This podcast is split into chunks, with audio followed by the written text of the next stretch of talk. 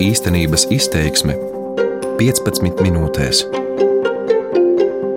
Pirms pieciem gadiem, 2015. gada 12. februārī, Baltkrievijas galvaspilsētā Minskā tika parakstīta vienošanās par papildus pasākumiem, kā izbeigt kara darbību Ukraiņas austrumos.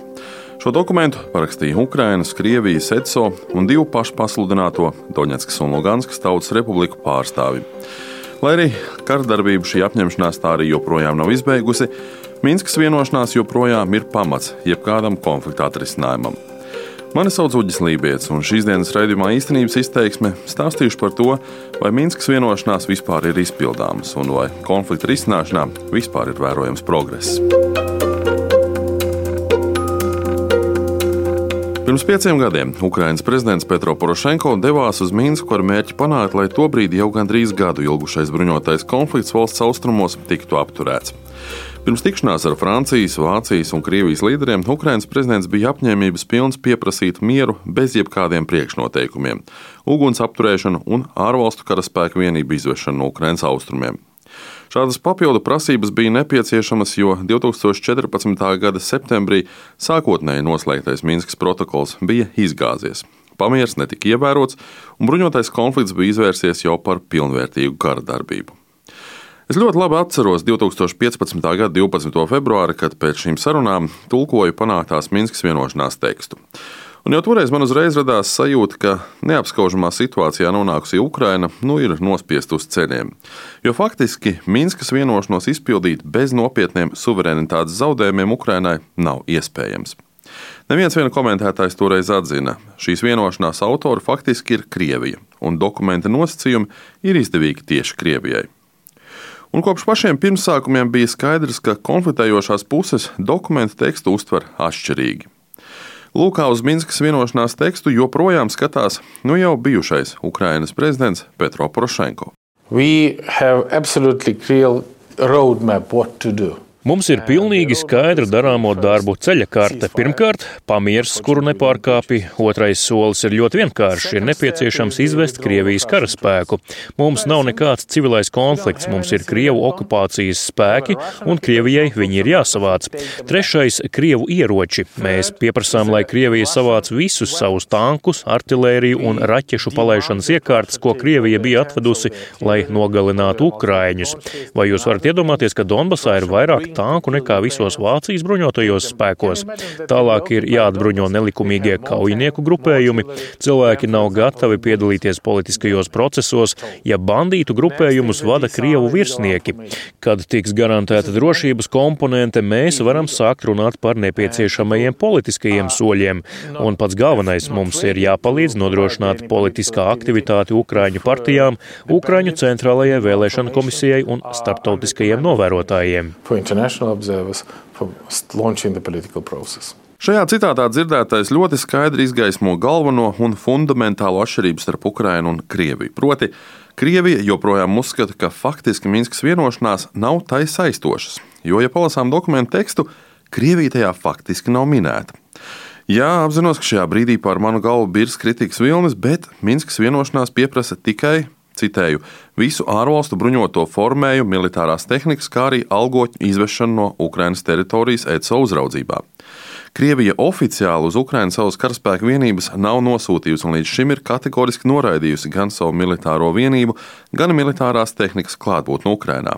Starptautiski sniegtos pierādījumus, kas pierāda pretējo, saucot par pilnīgu falsifikāciju.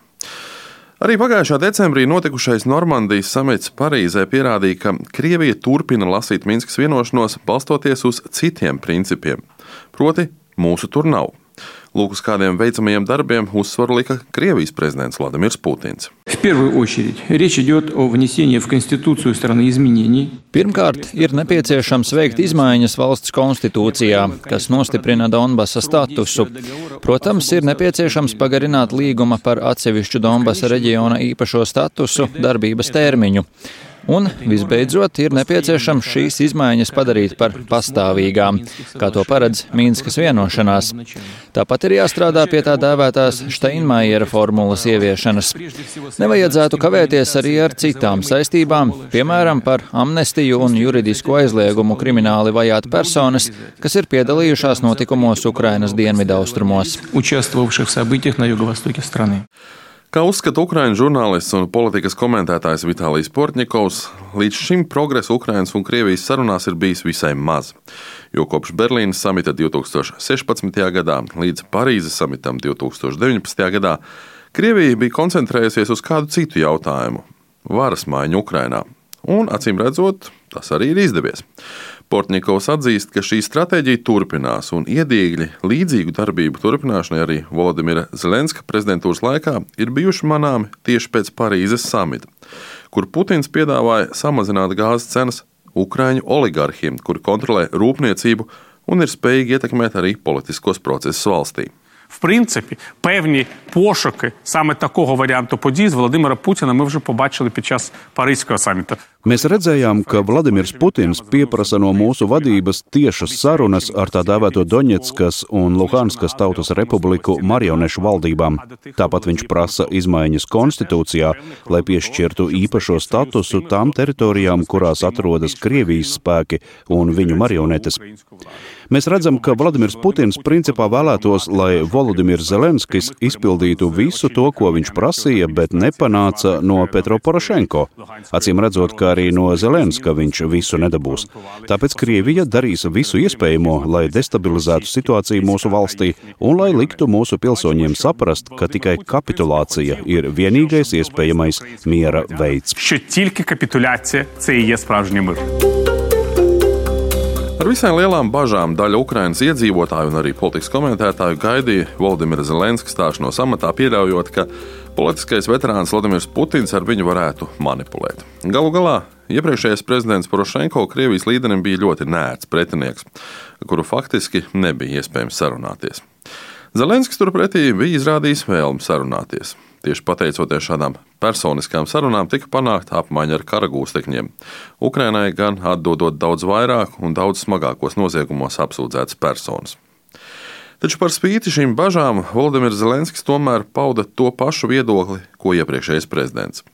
Donbass un Krima pieder Ukrainai, ir jāatgūst kontroli pār valsts robežu, Federalizācijas piedāvājumi tiek noraidīti, un nekādas sarunas ar pašu pasludinātajām republikām uz laiku okupētajās teritorijās nebūs, lai arī to pieprasītu Putins.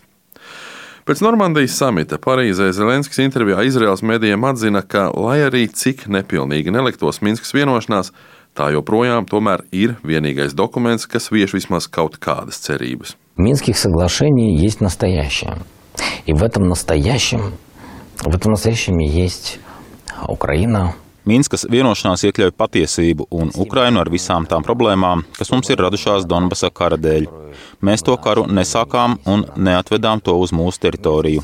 Minskas vienošanās to pašreizajā veidolā ir viss, kas mums pašlaik ir. Tas ir vienīgais, kas dod mums iespēju. Vai nu tām seko, vai nē, vai vēlēs tās pārskatīt. Taču tas ir papīrs, dokuments, objekts, ap kuru ir iespējams tikties. Gan trīspusējās kontaktgrupas ietvaros Minskā, gan Normandijas formātā. Vai var tikties ap kaut ko citu? Mēs, protams, par to domājam. Vai mēs strādājam pie citiem variantiem? ja šis nenostrādās, jā. Zelenska teiktajam noteikti var piekrist, taču nedrīkst nepieminēt, ka uz Minskas vienošanos ievērošanu aktīvi norāda arī Rietumvalstis. Gan Amerikas Savienotās valstis, gan Eiropas Savienība, kuras turpina pagarināt pret atsevišķiem Krievijas uzņēmumiem un personām ieviestās ekonomiskās sankcijas. 27 valstu bloks gan tiek kritizēts par sankciju neefektivitāti. Turklāt ar vien biežāk dalību valstu vidū ir izskanējuši aicinājumi no tām atteikties un attiecības ar Krieviju uzlabot. Kā intervijā Ukraiņu televīzijas kanālam Hramatske atzīst Eiropas Savienības vēstnieks Ukrainā Mati Māsika, ne visi Minskas vienošanās, kā arī Berlīnas un Normandijas samita solījumi tiek izpildīti, tāpēc Krievijai par tās pienākumiem ir regulāri jāatgādina. I mean, e Eiropas Savienība ir ļoti konsekventi pieprasījusi pilnīgu Minskas vienošanos izpildi. Vēl vairāk, tā ir kļuvusi par daļu no Eiropas Savienības politikas attiecībā pret Krieviju. Pirmais vadmotīvs mūsu politikai pret Krieviju ir prasība pilnībā ieviest Minskas vienošanos un cienīt Ukrainas suverenitāti un teritoriālo vienotību. Tā ir viena lieta. 2014. gadā es biju Briselē un pārstāvēju Igauniju, kad pirmo reizi tika panākta vienošanās par sankcijām. Tagad šāds lēmums ir atkārtots jau 11 reizes un tiek uzsvērts, ka sankciju režīms ir atkarīgs no tā, vai Krievija pilnībā ievieš dzīvē Minskas vienošanās prasības. Jūs taču neuzskatīsiet, ka Eiropas Savienības līderi spēlē spēlītas vai kolektīvi kļūdās 11 reizes pēc kārtas. Arī Ukrainas eksprezidents un tagad viens no opozīcijas līderiem Petro Porošenko ir pārliecināts, ka sankcijas ir jāturpina. Pat par spīti atsevišķu ekspertu atzinumam, ka Krievijas ekonomika ir visai labi tikusi galā ar rietumvalstu sankcijām.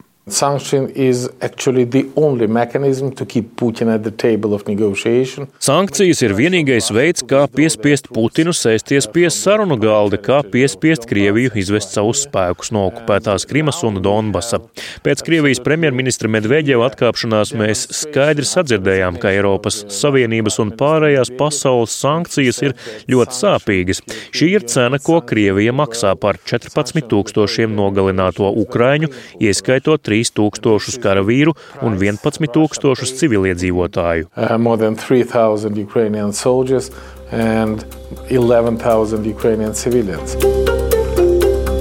Lai arī tīri teorētiski Ukraiņas austrumdaļā valda pamieris, apšaudas notiek katru dienu, un gandrīz katru dienu tiek saņemtas ziņas par bojā gājušiem un ievainotiem abās frontes līnijas pusēs.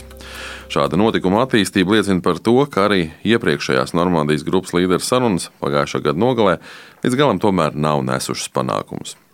Tikmēr Ukrainas prezidents Volodimirs Zelenskis paziņoja, ka jau pavisam drīz tiks saskaņota kārtējā gūstekņa apmaiņa, taču arvien biežāk tiek uzsvērts, ka arī šajā jautājumā Ukrainai un Krievijai ir cita izpratne par to, ko nozīmē visus pret visiem gūstekņiem. Vai runa ir par tiešām visiem, vai arī visiem identificētajiem. Pašā Ukrainā notiek aktīvas diskusijas arī par to, vai uz laiku okupētajās teritorijās dzīvojošajiem ir tiesības uz Ukraiņas pensiju vai nē. Krievijas presē aktīvi kultivē viedoklis par to, ka Ukraiņas līderiem ir vismaz jāizrāda kaut kāda aktivitāte, jo rietumu partneri, Eiropas Savienība, Francija un Vācija gribot redzēt reālus augļus, izpildot Minskas vienošanās prasības, jo pašas atbildību par Ukrainu uzņemties tās nevēloties. Lai arī vairums politikas komentētāji tomēr uzskata, ka Ukraiņas austrumu konfliktu atrisināt tik drīz neizdosies, un ļoti iespējams tas drīz varētu kļūt par vēl vienu iesaldēto konfliktu pēc padomi telpā, Ukraiņas prezidents Valdemirs Zelenskis uzskata, ka šo konfliktu ir iespējams un, kas nemaz svarīgi, ir nepieciešams atrisināt. Intuitīvi ощущаю, что это нужно не только Украине. Intuitīvi es jūtu, ka tas ir nepieciešams ne tikai Ukrainai.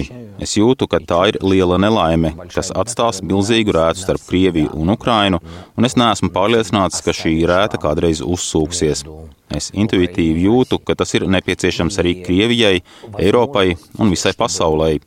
Jo, ja šis precedents paliks tāds kā pašlaik, ka var tik nesodīt rīkoties un ka šādiem stāstiem nav izējas, mums, protams, ir jāatgūst visas savas teritorijas. Es pat nerunāju par tiesām vai starptautiskām institūcijām.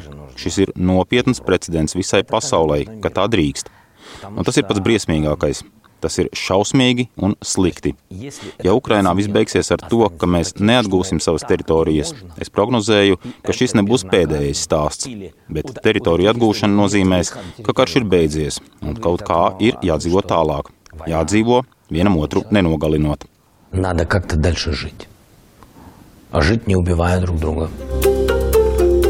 Reiz vien ir izskanējuši aicinājumi sarīkot potenciālo Minskas trīs sanāksmi, vai arī organizēt miera sarunas piedaloties citam dalībnieku sastāvam. Taču pagaidām nav konkrētu piedāvājumu, kā to varētu panākt un cik efektīva varētu būt šāda pāreja. Vēl jau vairāk nav nekādu garantiju, ka šāda dalībnieku maiņa tiešām novedīs pie kaut kādiem konkrētiem rezultātiem. Jo abas galvenās konfliktā iesaistītās puses savas pozīcijas vismaz pagaidām mainīt nav gatavas. Un tas nozīmē tikai to, ka arī turpmāk sarunas grozīsies par un ap pašreizējām Minskas vienošanās prasībām, lai kādas arī tās nebūtu un lai kā arī puses tās netraktētu. Šis bija raidījums īstenības izteiksme, ko šoreiz veidoja es, Uģis Lībijams, un man palīdzēja skaņoperators Ulris Grīnbergs.